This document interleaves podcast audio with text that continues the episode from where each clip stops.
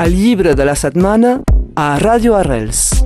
amb la Joana Serra, de la Llibreria Catalana de Perpinyà. Ja estem a la llibreria en companyia de la Joana. Bon dia, Joana. Bon dia. Avui ens portes un llibre per la mainada. Sí, un llibre per la mainada, però també per als adults i que francament no és eh, gens eh, alegre, si és una temàtica una mica greu. Es diu Sunakai, és de Meritxell Marí i Xavier Salomó, dos autors eh, molt coneguts en el món de l'àlbum infantil en català.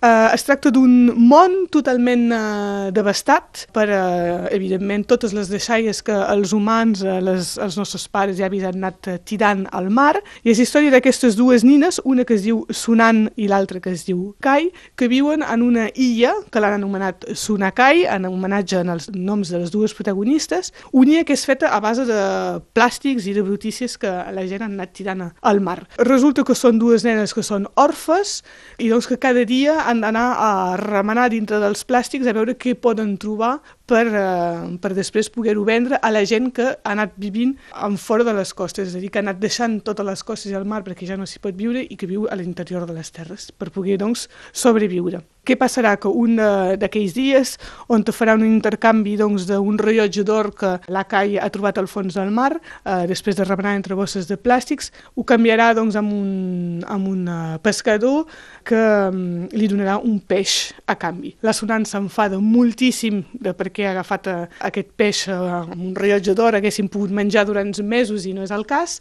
eh, i evidentment aquí aquest peix tindrà un, hi haurà un canvi brutal en la història que, que canviarà tot el, el recorregut, el, el fil de la història. No acaba bé, acaba bé pel, pel món, diguem, el peix serà un detonant important per intentar netejar tota aquesta brutícia que hi ha al mar, però hi haurà a canvi una desaparició d'una de les dues protagonistes. No en direm pas més ara. No en direm més, és per això que dic que és un llibre infantil, és una mica trash, eh?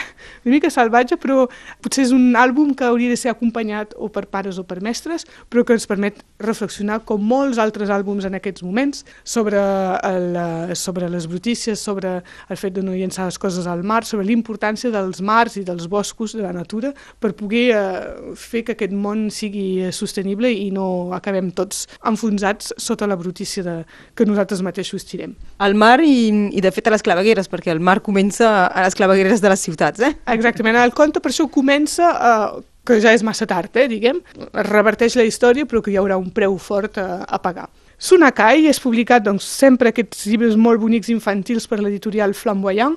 Meritxell Martí i Xavier Salomó, que són els autors d'un sopar de por que la mainada que ens escolta segur que ho coneixen perquè és un conte que ha tingut molt, molt, molt d'èxit. Són dos molt bons il·lustradors i eh, escriptors de contes infantils i doncs editorial, com hem dit, Flamboyant. Gràcies, Joana. A vosaltres.